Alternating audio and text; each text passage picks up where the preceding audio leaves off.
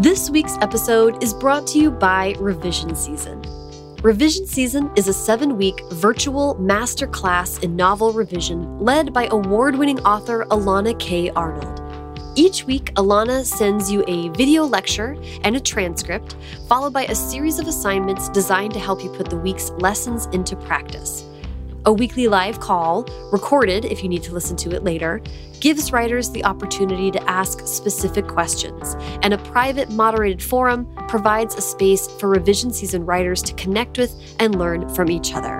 Writing community is so important in things like this, so that's a really pivotal part of the process. By the end of revision season, writers will have the tools they need to deepen, enrich, and grow their current manuscript into its next incarnation. The winter 2021 session of revision season begins on January 17th and goes through March 4th, with week zero work arriving on January 10th.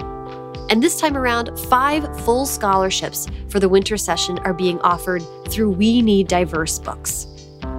Longtime listeners to First Draft will be familiar with Elana. She is a brilliant, celebrated writer, and she's also been teaching writing for many years.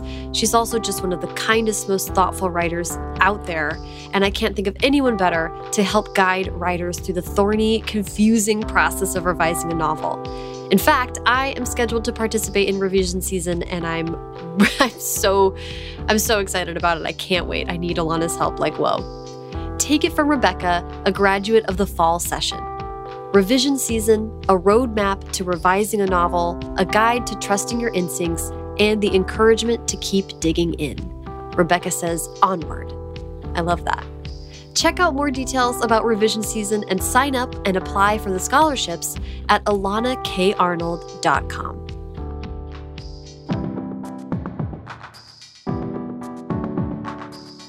Welcome to First Draft with me, Sarah Enni. This week I'm talking to Matthew Burgess and Cátia Chien, author and illustrator, respectively, of picture book The Bear and the Moon. Matthew is a poet, picture book author, and assistant professor at Brooklyn College. Cátia is a visual artist, illustrator, and founder of A Thousand Worlds, a picture book directory that connects readers to picture books written and illustrated by BIPOC authors and illustrators. I so loved talking to an artistic team about how picture books come together from both an author and illustrator point of view, about making the imagination central to your life, and we all get a little emotional at the question what is the moon? It's that time again, time for the annual First Draft Listener Survey. If you've got 10 or 15 minutes, head over to firstdraftpod.com slash survey to help me get a better sense of who's listening, what you like about the show, and most importantly, what I can improve. Again, that's firstdraftpod.com slash survey. And thank you so much in advance. That's a great way that you can help support First Draft. And another way to show support is by subscribing to the podcast wherever you're listening right now and by leaving a rating or review on Apple Podcasts. You can go to the website, firstdraftpod.com, and check out the show notes for this episode that has links to everything that we talked about. This week, it's a ton of great picture book links. And since First Draft is an affiliate of bookshop.org, when you shop the links on the website, it helps to support the show and independent bookstores at no extra cost to you. A great way you can support First Draft while getting tons of bonus content is to sign up for the weekly Track Changes newsletter. Every Friday, subscribers get exclusive interviews, publishing industry analysis, writing tips, and more in their inbox. Information that's useful for both new writers and seasoned vets. Last week we got a little bit deeper into the sale of Simon and Schuster, the pending sale, I should say, and just reactions to it around the industry and what uh, what if any hurdles might prevent it from happening. Just kind of a examination of that whole situation. The newsletter is just $5 a month, but you can try it for free for 30 days. Learn more and sign up for the free trial at firstdraftpod.com slash track changes. And hey, if you want to skip all the hullabaloo and just donate directly to First Draft, bless you. You can do that at paypal.me slash firstdraftpod. Okay, now, please sit back, relax, and enjoy my conversation with Matthew and Cátia. Hi, Cátia and Matthew. How are you today? Hi, we're, I'm good. yeah, great. Thank you. Really good. Good, good. Um, I'm so excited to talk today. I have my copy of The Bear and the Moon right here next to me, and uh, I can't wait to get to that. But I did want to start with some background information. Usually, my conversations are one on one. I'm so excited to be talking to a team, an author and illustrator today. But um, we're going to kind of take turns and get some bio on the each of you. So, Matthew, let's start with you. I'd love to hear. Um, I like to go back to the very beginning on my show, which is where were you born and raised? I was born in Southern California and I was raised in Corona del Mar, kind of uh, near the beach between LA and San Diego on the coast. Cátia, what about you? Where were you born and raised? I was born a little further away. I was born and raised in uh, Sao Paulo, Brazil, which is in the southeast region of Brazil. Sao Paulo is in the southeast region, and it's a it's a big big city. It's the most populated city in Brazil. So that's where I grew up. Yeah. And when did you immigrate to the US? I immigrated to the US when I was old, 16. Oh, okay, wow. Um, that's amazing. Were you so are you bilingual? So I was home taught Taiwanese and Mandarin because my parents are Taiwanese. So we spoke that at home growing up. And then I know Portuguese and English. So that's wow. three or four. Yeah, I was going to say you're bilingual at, least. That's very impressive. okay, well, I want to ask about another kind of. I, I love hearing about, and especially with you guys who are writing and thinking about fiction and art for younger audiences. I love hearing about your young life and, and relationship to art. So I'd love to hear from each of you how reading and writing and uh, illustration was a part of growing up for you. Well, I am the youngest of five children. And so I grew up, I imagine, I can't remember exactly, but I had three big sisters who had all of the books in their library. So I was exposed um, to, you know, Shel Silverstein and Maurice Sendak and all of the usual suspects from the sort of 70s and 80s. And my big sister, my oldest sister, Michelle, is an artist. So she went to college in San Diego and then graduate school at Cranbrook in Michigan. And as the youngest, she was kind of like the oldest sibling who was going out into the world and bringing fragments of art and language and culture and bringing it back to the nest. So she was definitely a source of inspiration for me growing up. That's amazing. Were you doing any creative writing on your own? Was there anything in particular that really drew you in about? I know you're a poet still, so was that a part of it or how did you discover that? Yeah, actually, as a little person, I was more of a visual artist. I guess I identified more as a visual artist. And so I was drawing and designing things and melting my siblings' hand me down Crayolas into saucepans and pouring them over things and making sculptures. And so actually, when I went to college, I was imagining that my major would be as uh, in fine art. And at some point in college, I pivoted over to language and writing as kind of my primary form of expression, but I always had this interest in the visual. And my sister, who I mentioned before, is a painter and fine art bookmaker. So looking back, I realized that the the marriage of word and image, of art and poetry, um, has really come through her and through my exposure to all the things that she's been making these many years. That's incredible. And Cátia, how about you? How was, um, I heard that you were a big comic book fan when you were a young kid. Yeah, exactly. So I wasn't uh, necessarily like a bookish kid that loved to write or even just to even to make art. I didn't actually make art when I was a kid very much, but I did grow up reading comics and there were specifically comics that are not superhero comics, but comics about slice of life, um, ordinary people um, leading very specific lives. One of my favorite comics um, series that I grew up with is called Turma da Mônica. It's by this cartoonist named uh, de Souza. Um, I don't know if you're familiar with it, Matthew, because I know you went to Brazil. So I don't know if you, because it's everywhere. It literally is like the Disney of Brazil. Anyhow, it was a it's a comic that's about little kids growing up in a neighborhood together and getting into trouble and fighting amongst themselves. And it was very much just this this, you know, for me growing up with you know dysfunctional family, I didn't really get to have the space to be a kid.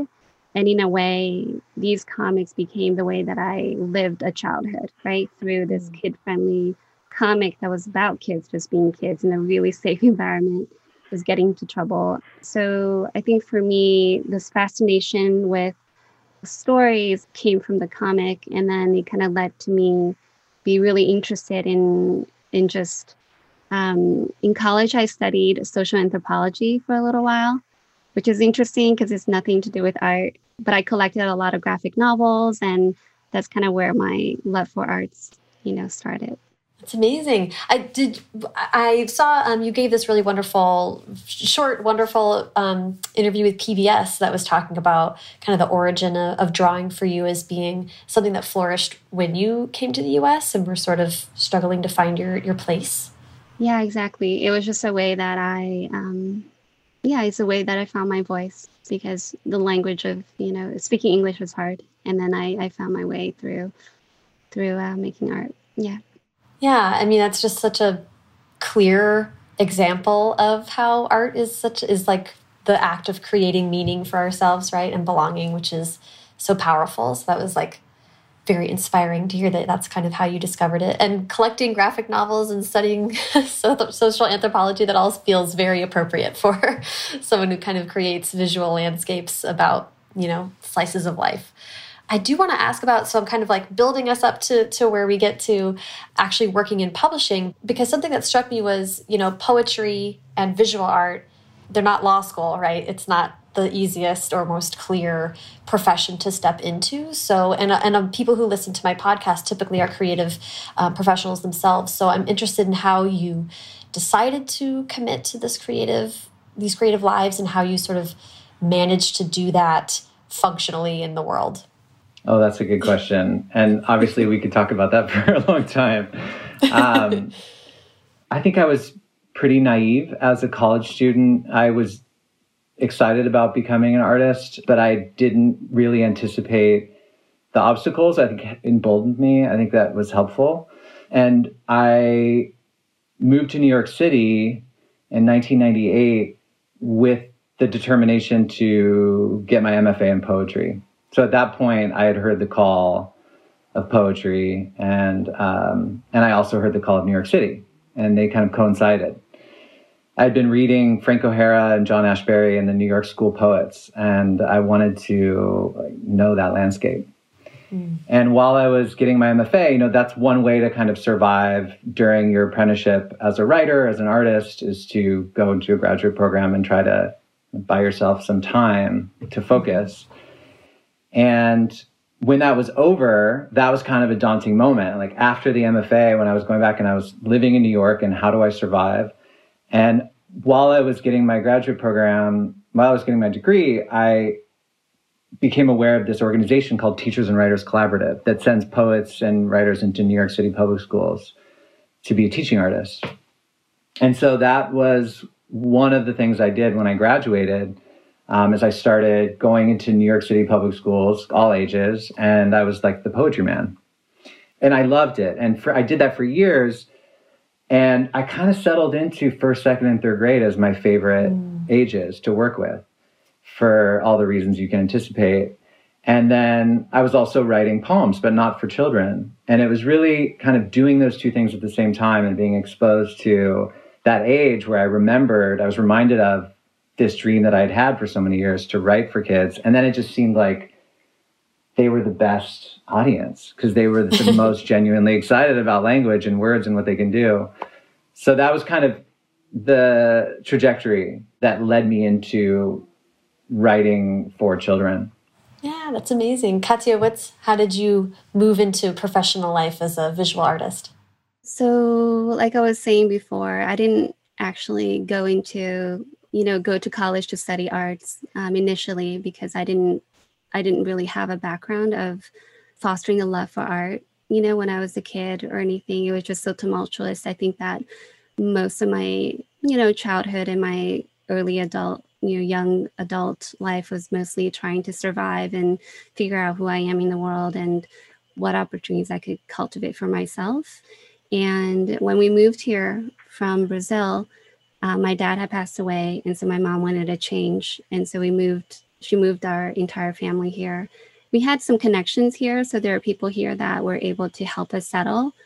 That's when like i was saying like learning english and i you know i mean brazil they do teach english but it's kind of like spanish in high school where you kind of get a sense of it but you don't really know how to speak it.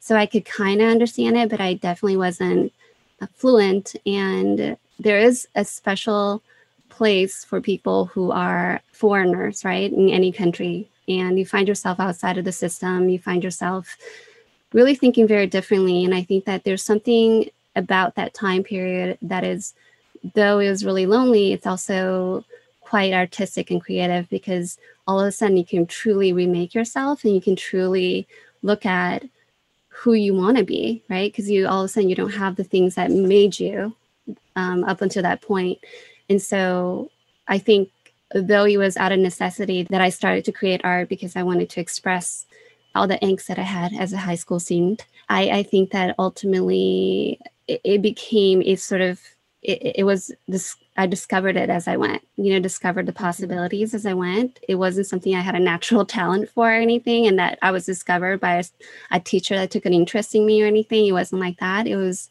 that i just cultivated that the the, the expressing through art and then when I went to college, I wanted to be a scientist. And I was like, well, I want to study people because I love people and I love stories. And so I went to um, UCSB for um, social anthropology and art history, which is such an odd combination. I don't even know. Um, maybe I was just exploring. Who knows what the logic there is? But, but they certainly did not have an art studio program, right? They just had, it was mostly concept based art program. And then I took an entomology class. That was a painting entomology class, which was one of the foundation classes I took which is a wild combination, but it, it, married two things that I love, which is, you know, bugs and, and painting at the time. And so I took that class and one of the final class assignments they had, um, the teacher had for us is to paint a large scale painting. And I remember staying up countless nights painting this painting of, it was just like as big as, I don't know, it was like seven feet. It was really big, a yellow jacket and um, so a little girl riding a yellow jacket wasp. And i remember just staying up like so many nights just painting that thing. And i thought this is so ridiculous. Why am i doing this? But i'm loving this. Like i'm just loving this moment of painting this thing. I never and i thought maybe that's that's what i want to do maybe i don't want to study anthropology maybe i don't want to study art history maybe academia is not for me i want to do something else and so i dropped out of school and then i worked on my portfolio and i went and I got into ArtCenter a year after that. So that's the sort of uh, education portion of it. And then um, when I graduated, I wanted to. Um, I thought I would go into fine art and concept art for film. And then Kate Sullivan, who's an editor at Houghton Mifflin Harcourt, she emailed me out of the blue and said, "I think your work can it fits into children's books. Have you thought about doing children's books?" and I haven't. Wow. And then that's kind of how it started. Wow. That's amazing. did you feel comfortable right away in thinking about work for kids, or did you have to kind of familiarize yourself with what was out there, or what was that kind of like looking at that new possibility? I think Kay was right. I think that she saw something in the work that naturally fit into it that didn't have to change very much. And that was the lucky mm-hmm. part is that though I was working towards doing concept art for films, it was still animation for kids. So in a way, it was already fitting into that that niche, except that also I think there's something to be said about taking inspiration outside of the picture book industry to create picture books that I think is it's really important. So I yeah, I didn't think that I needed to like to study picture books and then become a picture book artist necessarily. Right, right. I love that. I wanted to ask um, Matthew a couple of earlier books that that you wrote, picture books that you wrote. Um, I'm thinking of Enormous Smallness, a story of E. E. Cummings, and Drawing on Walls, a life of Keith Haring. I'm so interested in, you know, you just kind of talked about your older sister bringing a lot of a lot of art influence and uh, visual artist influence home to you as a younger person. I'm so interested in that these are picture book biographies, and they're sort of not only is that cool in and of itself, but they're books that are like about kids engaging with art, but also engaging with the fact that art is a, is something that a person creates and not just something that appears. Which I don't know. I felt for a long time like I didn't make a connection between human beings and books. It was just like these great, beautiful, golden things that appeared out of nowhere. You know, it took a long time to sort of make that connection. I would just love to hear about how you got the opportunity to write those books or what it meant for you to kind of talk to kids about that concept or any thoughts you have on that. Oh, I love that question. Um, and there are a couple of different ways to approach it. I mean, one is that I had been teaching imaginative writing in New York City public schools. And so so much of that is about process and inviting young people into the process of making and uh, befriending their imaginations and seeing what they can create on the page given permission and encouragement and some constraints. So I think that is exciting to sort of invite kids into the creative process. And of course, they're game and they're ready and they are artists in so many ways already. But to provide those opportunities is part of my mission, I guess, in some way. And, you know, when I was a kid, I grew up in this Catholic family and I grew up um, learning about the saints and learning about like the figures in the Bible. And I think I was really drawn to biography at a young age. I was fascinated by these people and the obstacles that they faced and their suffering and these mystical moments of, you know, miracles. And um, that was fascinating to me. And I also remember reading Roald Dahl's Boy as a kid. And I, I remember finishing it and closing it and being floored. So I think that was another early encounter with biography. And I just felt the power of what it meant to kind of study or understand a life and how that might give you clues about how you can create your own life. And so the saints, there was so much emphasis on like sin and gore and um, I don't know, just that, those Catholic stories where there's seems to be. I was also raised Catholic, so I know exactly yes. what you're talking yes. about. and so there was a certain amount of terror involved, which was exciting, but not necessarily something I might want to replicate for kids. And and like I said, my, I had my older sister who made a life as an artist ahead of me, almost 15 years ahead of me. And so I think I see these books as kind of like the lives of the artists, and mm. that the offering biographies of creative people to kids give them different ideas about you know breaking rules and about you know making the imagination central to your life rather than something that's peripheral. And just creating these possible maps that kids can draw from to look forward and try to imagine their own creative life whatever that looks like. Um, and then of course with keith haring there's this additional part of growing up gay in a Catholic family and all of the terrors that came along with that. And so part of my motivation and my joy in creating Drawing on Walls is to create a book that is candid and brave and about a queer hero. Yeah. So yeah, and then there's another one coming about Corita Kent, who is um, a pop artist, radical nun, who is also, I feel that connection because she was here working within the Catholic structure and yet speaking out really bravely and colorfully about injustice and poverty and, you know, working within those, within the system and doing it in a way that sort of pushed the boundaries of what you can or supposed to do. Yeah, I love how you just said that, how making imagination central to your life. That's such a beautiful way of saying that. And it, it was reminding me of um, something else that really stood out to me, Cátia, in, in, the PBS interview, was that you talked about how your your um, family looks at your work in a very practical way. That they are sort of like, well, can you make money doing that? And that's the metric for how they were thinking about it. And it reminded me of a conversation I had with someone in my life who really loves me, but at some point said, "Oh, it's great. It's just so random this book writing that you're doing, but but good for you." And it was, you know, obviously just like, well, it's not really random to me. It's like central. it's my whole like being. It's kind of my purpose.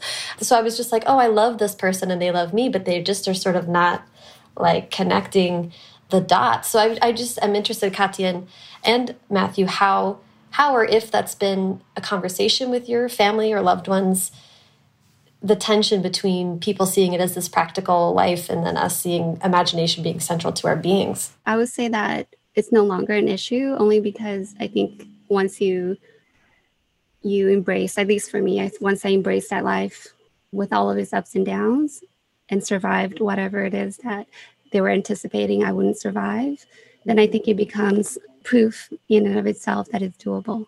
Because part of what a family wants to do for you, and even families who have limitations, who are struggling, whatever it is, I mean, at the heart of hearts, I think um, family wants to protect their kids for whatever you know they see as pitfalls out there. And I think you know conversation is nice, you know, to talk and try to persuade, but I think that you become the living proof that that it is possible that you are willing to take both the uncertainty of a freelance and imaginative lifestyle, but also the adventure and the richness that comes with having that choice, having made that choice.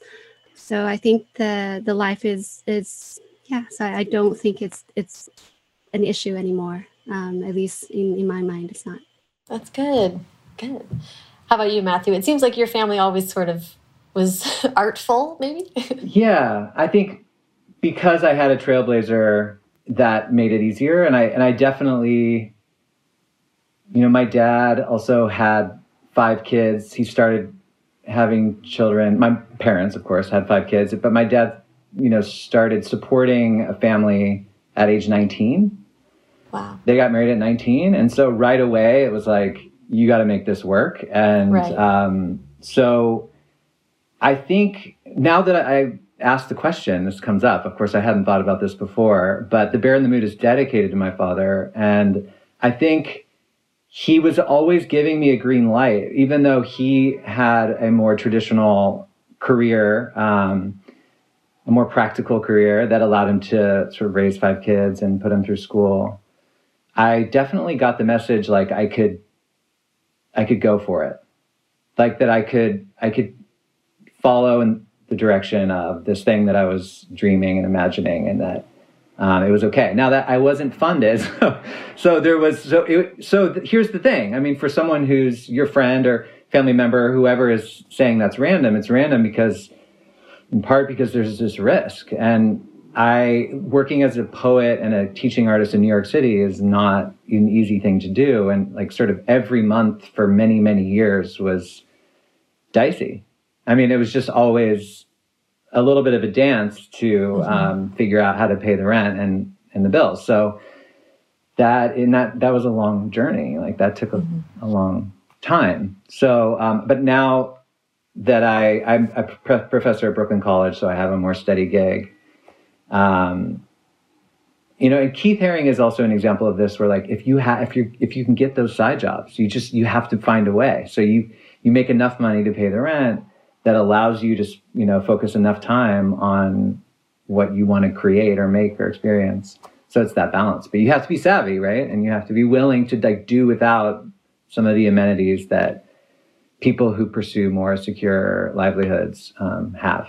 Yeah yeah and that's again a lot of listeners to the show are kind of in those positions so it's always interesting to get people's perspectives on that. I appreciate it. Let's talk about picture books. I want to talk about um, work kind of for people who may not be familiar with sort of how picture books come together, I want to talk about that as a process and then get really specific about how The Bear and the Moon came to be. But I'd love to hear from each of your perspectives what it's like to work on these. I, I've never have, so I do, um, and I understand that sometimes author and illustrator are not so much communicating. Can you guys, whichever one wants to take the lead, I'd love to hear from an author standpoint and an illustrator standpoint how it begins how, and how it comes together. Okay, from an artist's perspective, I get the manuscript um, from my agent. And I, up until this point, it's been the case where I don't communicate with the author. I communicate with an editor and an art director or a designer. And that relationship, that working relationship, is it, it kind of goes through from beginning to the finish of the book. And of course, I peppered in there is feedback from the author through the editor. Mm-hmm. And but I don't really get to. I mean, I would say it's not that you know I couldn't find the author's name and email online. You know, I'm sure there's definitely ways that I could do that, but I, you know, I've never really had a, a um, I kind of I, I tend to work really well just uh, sort of mining my own imagination and trying to find whatever I can get and go as far as I can go before including any other ideas or inputs um, mm-hmm. as an exercise of really finding the right solution for something. That's sort of my mm-hmm. my process, and so never felt that I needed to have a conversation with an author per se, because a lot of that goes into why I'm accepting it. Like I accept it, mm. a manuscript, because I know I can bring something to it, and I'm sure that I can. And if I am doubtful and I'm unsure, then most likely I'll pass on it. So that's my, but that's, you know, it's different with the Bear and the Moon. But so that's been the general sort of on my side as an artist for picture books. And then Matthew, you want to speak to? The writing side? Yeah.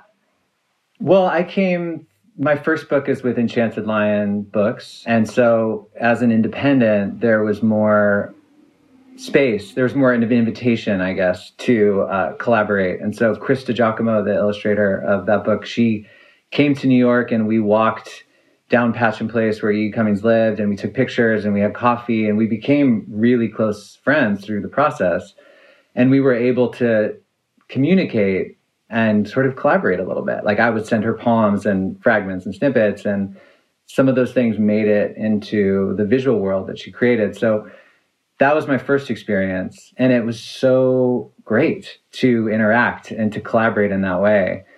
So that's not the norm, but that is a really wonderful possibility, I think. And so for me, I met Cátia at the Brooklyn Museum Children's Book Fair and I got a copy of A Boy and a Jaguar, and I fell in love with it, and I was blown away by the sensitivity and the tenderness and the painterly quality and the light and just so many things. I was so taken with this book that I wrote Cátia like a little note, like an email, just like saying hello and trying to, I guess, initiate a friendship and probably also imagining that maybe one day we would work together.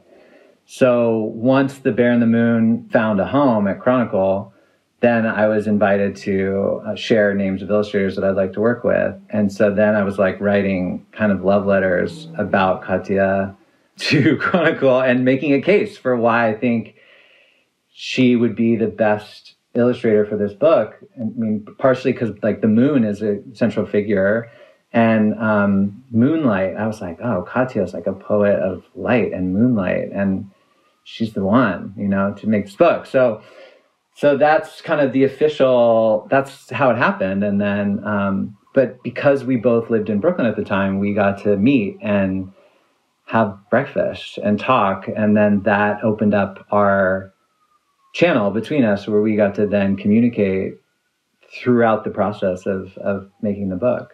So we did end up collaborating in some ways. That's incredible. Uh, I want to ask more about more specifics about how the book came about and how you collaborated. But before we get too much further, I do want to just stop and pitch a little bit about the book in case people um, aren't familiar with it. So, do you guys mind giving a pitch for The Bear and the Moon? So, The Bear and the Moon is a story where this bear wakes up from a long snooze and sees a red, round thing floating down from the sky toward him. And he is curious and he goes to investigate. And basically finally he holds the silver string in his hand and they spend the day together. And so the bear shows the balloon around and this is the spot where i sit on the pot. This is where i curl into a ball and roll on the hill. And they have this great day and night. The, eventually the bear is so overcome with um, love and affection for this new friend that you do what we would do which is like you just you go in for the hug you can't resist and so, in that moment of affection, the balloon, of course, pops because, you know, the bear has these paws with claws. And so, the story is about reconciling the loss of this friend and seeking solace and comfort in the natural world And there's lots of things we can talk about, but I think I've already exceeded the elevator pitch there. Was that okay? That's perfect. yeah, that's perfect. That's perfect. I just want people to kind of get a sense of what um, what the visuals might be or how or or what it's about. So that's perfect. I'm really interested in how you collaborated as you went. Matthew, did you have it all? You said it was already with Chronicle, so you already had a draft written out. How did it kind of proceed with you guys talking together about it? I believe Matthew that you sent me the script even before it was shown to Melissa because I remember it was oh, in a different form. Because oh. I remember falling in love with it and as you wrote it, and then reading the one that was revised by Melissa. Oh, okay, got it, got it, got it. Right, right? yes, that yeah. did happen. So that's what happened. You sent me the script to to read it, and uh, right, you want to continue with? Yeah. Well, we had something a little bit kind of magical about this origin story of the bear was that I wrote the story kind of suddenly. It was one of those stories that kind of arrived pretty quickly, or at least the first draft. And then I had an artist residency in Brazil. I had a sabbatical from Brooklyn College, and I had the six week residency on an island in Bahia, which is amazing. And basically, it was like the perfect place to watch the sun rise and set every day because it was on an island and it was right on the water. So I got to revise and polish the story in Brazil, not knowing that Cátia had grown up in Sao Paulo. And, and actually, while for the final kind of celebration of this residency, the, all of the artists were invited to present something. So I found a poet in Sao Paulo who translated it into Portuguese. And that was what we presented at the end. So eventually that made its way over to Cátia, and we didn't even discover the Brazil connection until later. I think it was really special that we were able to send each other these letters. We sent letters, we sent e- um, email messages, and we sent texts. And it was a way of like touching base throughout the process. And like I sent Cátia a poem by Mary Oliver about a bear and just these little things that kept us in touch. Not that we were on the floor together looking at pages or anything like that, but we were definitely connected, I think, through the process. Yeah, yeah. exactly. I, I really felt that Matthew was there in support and also in interest. You know, he wasn't there dictating what I do. Like, that's the difference. Like, I think that that's the fear sometimes in collaborations that the story belongs to the author and that the artist is going to come in and then just translate the words specifically and literally. And I don't think that that's, you know, I mean, to me, I really feel strongly about there being a very uh, like, like room for the for the artist to to put in the visual narrative, right? That elevates art, hopefully in some way. I mean, the art, the the the writing and the story in some way. Yeah, and I felt that Matthew was just he was basically just cheering me on. And then you know did, did we did have some um, discussions about certain things at the end there but it was which we can get into. But yeah it was really really good from the very beginning. And it got really interesting actually towards the end where we were thinking about text placement. Then this is where we could get really specific but basically where you place the text on the image is super important. And especially when you have the full moon that's sort of radiating its light you don't want the text like interfering with that moonlight. And so there were there, we had some really specific conversations about where to place the text, even actually removing text from the final page. They're not spoiler alert, but they're floating. Initially there was text and on that page, but it was Cátia's insight that like if you put text on that page, it's going to draw the reader's focus and kind of flatten that moment, which is about kind of floating and levitation and union and transcendence. So we ended up taking that text and putting it in the lower right hand corner of the previous page and allowing that page turn to be to function differently in a different way. Yeah, no, I'm like I'm cheating. I'm looking as we go. Yeah.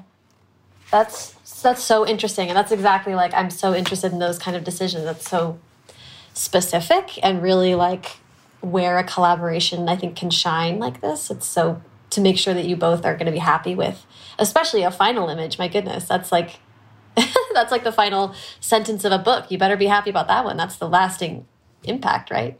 Absolutely. And also, you know, we both love picture books so much and we love like every aspect. And we love talking about page turns and we love just every single detail. And so I learned from Cátia and also, you know, and um, I learned a lot actually through listening to Cátia speak about the book, both throughout the process and also in these interviews that we've had or story times where we've talked about the process. And the other thing I would say about Cátia is like this, the way you, the way she, you approach it as a real work of art, that every decision matters and that we turn over every stone and we consider everything. And so that Cátia is like relentless and rigorous in the best possible way of really considering every single element and pushing the book to be the most fully realized, the most beautiful and fully realized, considered work. It's been really inspiring. Yay! I love that. Um, I do want to ask about, you know, I'm I'm a writer so I love getting to talk to visual artists and illustrators because it's just a whole part of the brain that I I won't say I don't know what to do with it. I, I could have fun with crayons, but I'm not a professional at it. So I would love to hear, Cátia, when you see a story like this, like you're saying, you get struck by a book and you feel that you can bring something to it. How do you get started? Do you know about the bear, but what do you immediately have a medium in mind or a color scheme, or how do you begin to create the visual life of this book?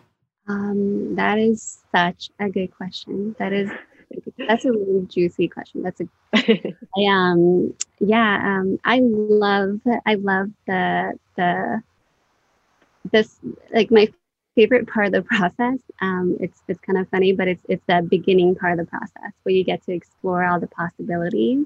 Mm. Um, and to get more specific, and I guess I'll be specific about the bear and the moon or the the process of creating the bear and the moon um, is that I before I even start putting pencil to paper, I will start just looking with intention basically and gathering visual interest you know whether it's something that is directly applicable to the book or not. So i'm not looking for just pictures of bears necessarily. Like i'm i'm looking for a certain kind of mood mm. a certain something that will tie the whole book together and emotionally carry the story because that is the the thing that will give it life right? Outside of pretty pictures. I mean what is where does the connection where does connection happen? I think it, it happens in the in the transference of an emotional story like of empathy and it, it, it's it's through emotion. So and it was really clear by the way that matthew wrote the story that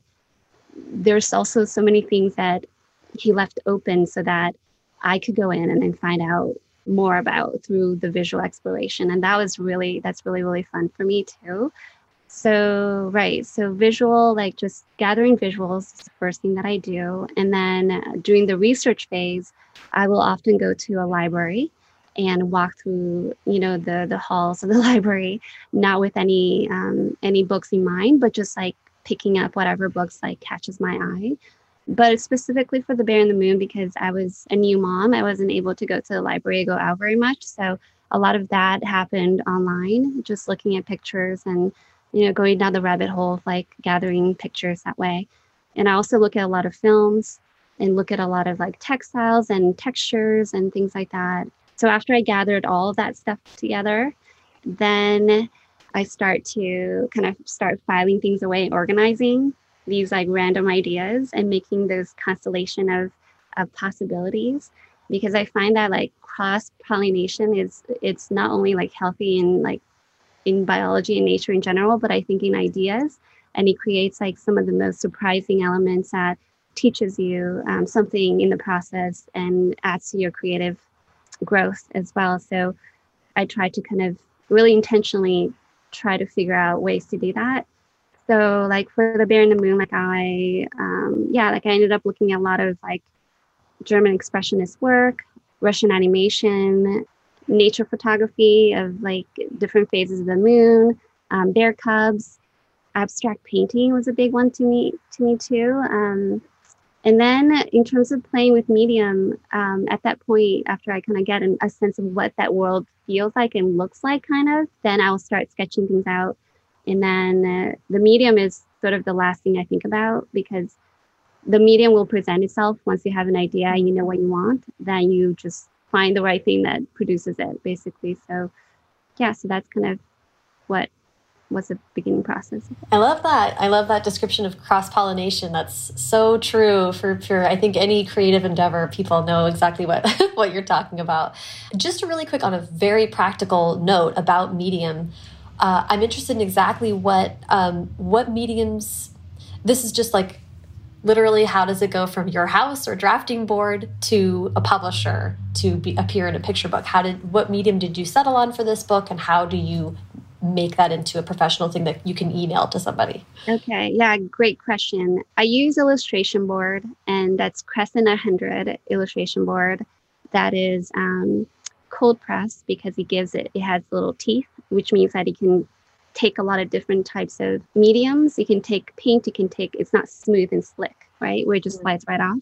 And that's been my medium of, or the, the board of choice um, throughout. So all the books that I've ever created has been on illustration board because I like being able to throw it around and not worrying about it being too precious. And then uh, for this particular book, I used pastel, I used color pencils, I used paint, I used collage, I used what else did I use? Um, yeah, I think that's that's probably enough. That's a lot of stuff. um, and I am not, you know, consciously only making sure I use every bit of that. You know, it's just whatever I have that's of the five that I listed for. And the way that that then translates to find out that I can then hand it off to a publisher, I, this is the scary part, but I actually ship it out. I ship out the originals, is what. I do. And they scan it on their end on a large vet scanner. And it's, uh, you know, I spray everything down to make sure that it stays and I cross my fingers so it doesn't get lost. And then they receive it on their end, and then they scan it, and then it's it's off the process. I guess. Yeah. So that's wow. That's amazing. What an act of faith. yeah. yeah, I love having those. Thank you for all those specifics. I think that's just uh, everybody wants to kind of get into the process details. It's so interesting um, and such a different thing than just opening a Word doc and saving it a hundred times every 10 minutes. But I want to talk about the moon in the book. This is kind of an abstract question, but I want to hear what each of you thinks is the moon. I was reading it. I I had like I strongly responded to this book. I've been reading a lot about emotional maturity, and then this story of this moon. I was like, wow, I wish I'd had Did this book. Did you tear up? oh my God, I'm tearing up right now. Yes. I'm tearing up listening to you because I understand I what you're talking about. And Cátia, I read an interview where you said that, that you were a new mom, as you just said, and all the self forgiveness in here. It's a very beautiful book. No, I'm tearing up. I know, sorry. it really just like it's just the um, power of picture books, as you guys both know. Mm -hmm. So it just hit yeah. me at a perfect time, which is why I was so excited to talk to you guys. But I just would love to hear what it takes so much time to make a picture book. You have to be really committed to the story. So obviously, you had strong feelings about what it means. So I would just love to hear you talk about that. Sorry. yeah, first of all, I thank you so much for like the honesty of your response. Um, it's super exciting to me to see that this book makes people feel things. You know, yeah. that's like such a I don't know, it's just like a beautiful thing to see um, that it, it impacts people. So that makes me super happy. Yeah, the moon, you know, it's funny. You asked the question and we could definitely I could get into that. And we but I think the moon is the moon. That's my first answer.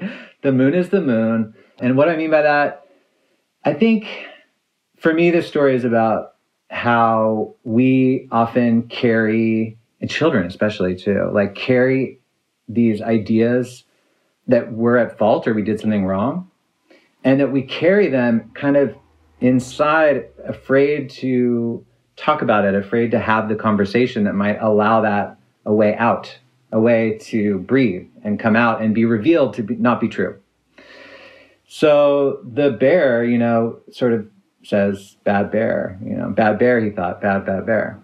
And the moon comes along and sort of gets him out of that perspective, gives him this broader perspective, and allows him to recognize that actually he's a good bear, kind bear, don't worry bear.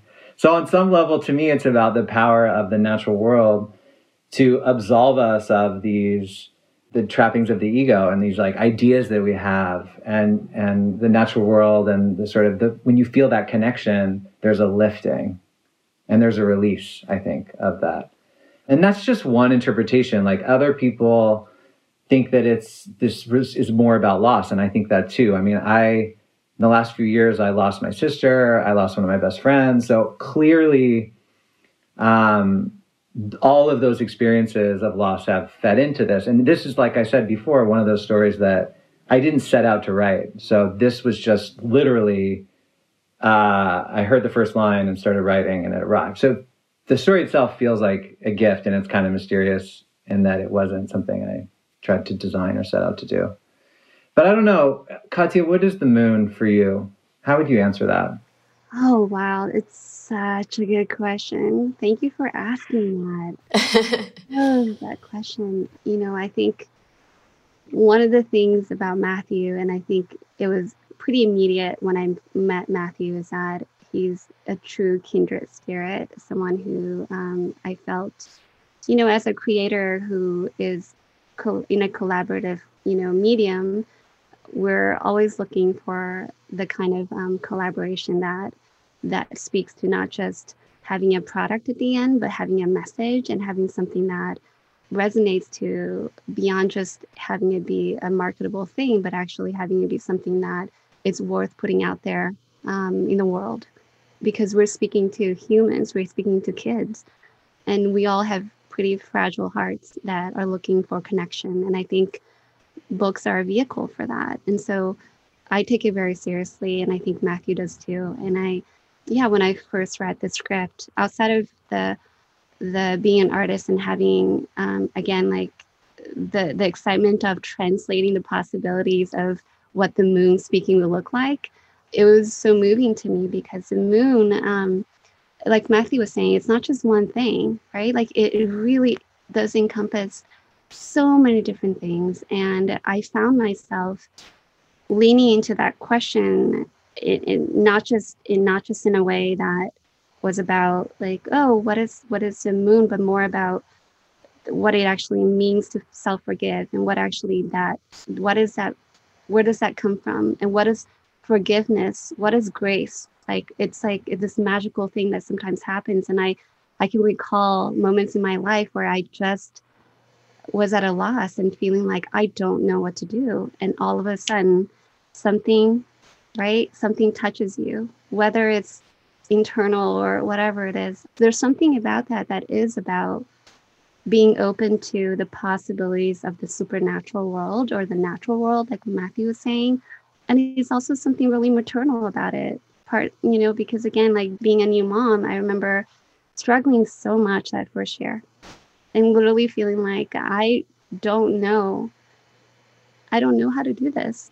I don't know how to do this. And then finding myself digging into a place of, of vulnerability and, and, and, and all that, working on this book. So yeah, I think it's, I'm not giving a direct answer because there doesn't feel like there is one, but I do feel like, you know, the moon appearing at the height of the bear's despair, right?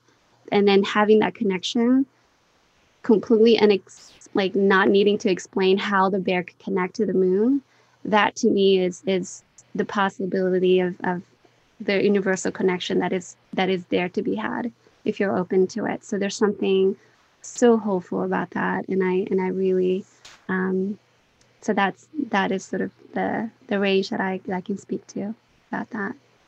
Yeah. As Cátia was speaking i was thinking about the moon as this external thing that the bear is experiencing and that it's like the the moon was speaking to the bear and the bear understood. And so the the moon, I guess, is also it's it's it represents the beauty of the natural world, but it also connects with that inner voice. Mm. And there's like the inner voice that we have and that I think children have as well that is on our side and that is assuring and offer, offers encouragement. And um, so, in a way, the moon is like both outside and also that thing inside that that knows that you are forgiven, you are innocent, you are good exactly as you are, um, you are loved. And so it's like the, the bear connects with that knowingness. And then that's the moment that allows him to let go and feel at home again. Yeah, I think no matter what age you are, you can recognize those two voices, right? Those two those two responses to any trial in life is I'm terrible, but also I'm doing my best. And so, yeah, it's a very relatable story to tell, which is part of what makes it so impactful. Picture books are can be these beautiful works of art and they can also facilitate and open up conversations. And so I think this book for me is like as much for the adult reader as it is for the child reader. It's both. I mean, it's just the reader. Yeah. And um, yeah. it's one of those books that I feel like is for everyone. And I love the effect. I love the idea though that conversations could come out of it that would allow the child who hasn't yet figured out how to talk about what's happening inside yes necessarily and to receive invitations to like talk about that with with some encouraging wise person in their life. Totally. That's that's exactly how it felt to me. I was like this is such a wonderful way in. If a parent doesn't sure how to talk about it either you can sort of use this as a conduit. It just was like oh this is so beautiful and also kind of practically useful. You know there's a lot of picture books that are that help parents kind of find a way into stuff that's hard to talk about. So uh, it definitely i think is like instant classic in my mind for that reason. So um, I'm so happy we could talk about it. Okay, I do want to wrap up with advice. I like to ask advice, uh, like I said, from a really kind of a practical standpoint. So I would just love to hear maybe advice both being an illustrator of picture books and an author of picture books, but also advice about what it means to collaborate. And I know you guys had kind of an unusual arrangement for this book, but if you do have any thoughts on on that, even in a normal collaboration? I think a lot of people want to write books for kids and and feel the call to write books for kids, which is great. I would say that respect, like, oh gosh, now I'm telling people to respect, but to appreciate, you know what I'm saying? Like, to appreciate the fact that it is an art form and that it's not easy that it's rigorous and it's amazing and that you have these incredible people. Like, I guess one of the best things is you have these incredible artists who've come before who you can learn from. So, like, right now, William Steig is, I'm just in love with his books. I'm in love with Dominic. I'm in love with Abel's Island. I'm in love with Sylvester and Magic Stone. So I'd say one piece of advice is like find your kindred spirits and read all their books and study them lovingly, like admiringly, and see if you can absorb some of the magic of what they created. So that's one thing. And then the other thing is I would say is like have a bunch of ideas. Come up with a bunch of ideas or like have a drawer where your ideas live, whether it's a real or a metaphorical drawer. But before you like approach people out in the world to try to get this going, I would say like build your drawer, respect the apprenticeship, and build some put some things in the drawer before you try to launch. Because as soon as you have an idea that someone is excited about, you're also going to get the question like, so what are your other ideas? And so it's good at that moment to have a lot of ideas that you're genuinely excited about.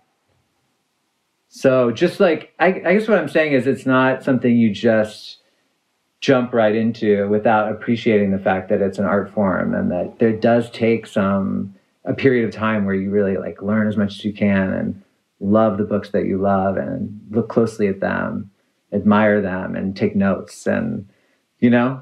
That, yeah I'm, and i'm glad you spoke to that because i think probably i would guess what picture book writers deal with even more than novel writers and god knows we get it enough is people really thinking that they could just do that. Like oh, these are short. I could just, you know, write it in an afternoon or something, which of course is not true. So I'm very gratified to hear you say that. Uh, that's exactly. I was like, okay, let's just get it on the record because it's important to yeah. note. um, sure. And Cátia, do you have do you have a, a thought about illustrators' perspective? Yeah, I think that just simply, I would say, don't forget yourself in the process of creating art.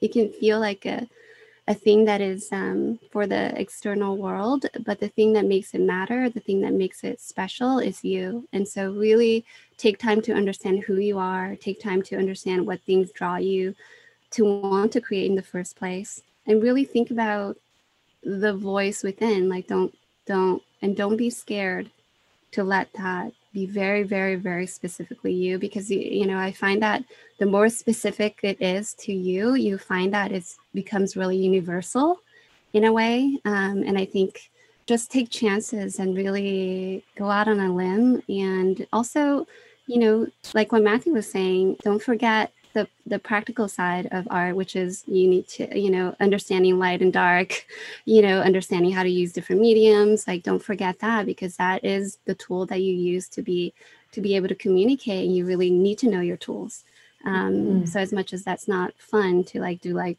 i don't know like a bunch of like drills of like you know like swatches of color and stuff like that that you you learn in school but like all that comes to play and you you get to kind of have fun and forget about all of it. So so that's that's what i would say. Yeah well art drills sounds actually like super fun to me. That sounds, that sounds like a, a, joy. But but also we we don't have to do it for a living so i, I totally get it.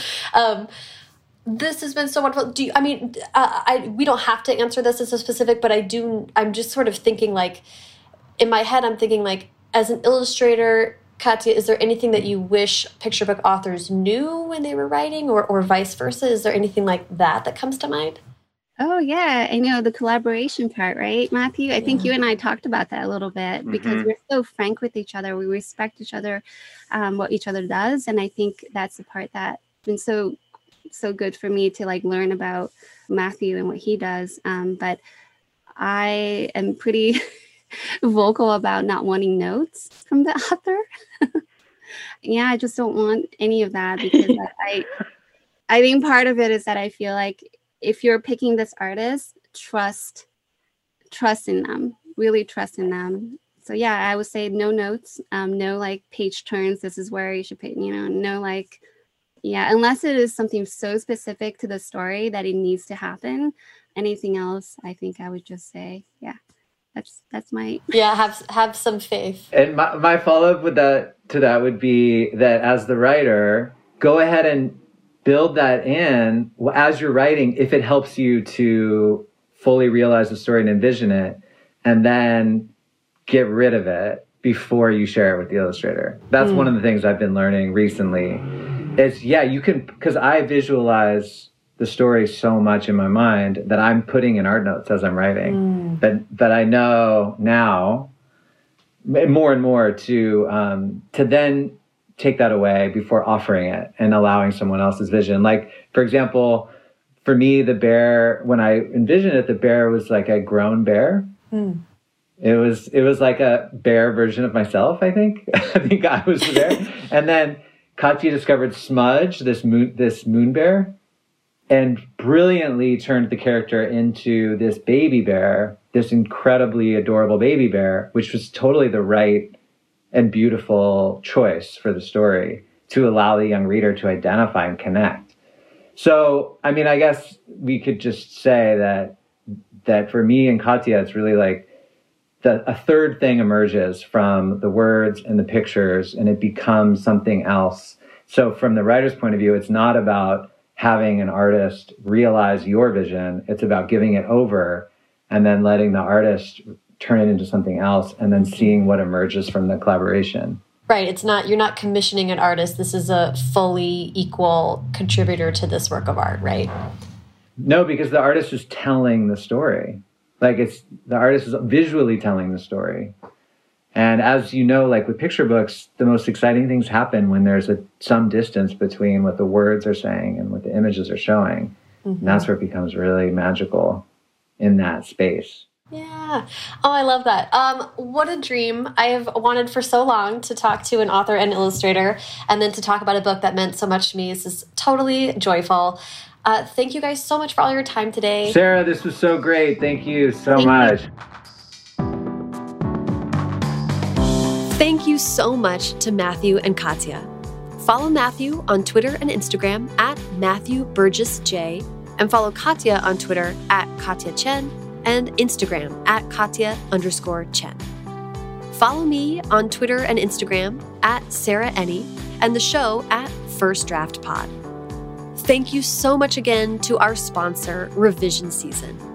That's the seven week virtual masterclass in novel revision led by award winning author Elana K. Arnold. The winter 2021 session of revision season starts on January 17th and goes through March 4th, with week zero work arriving on January 10th.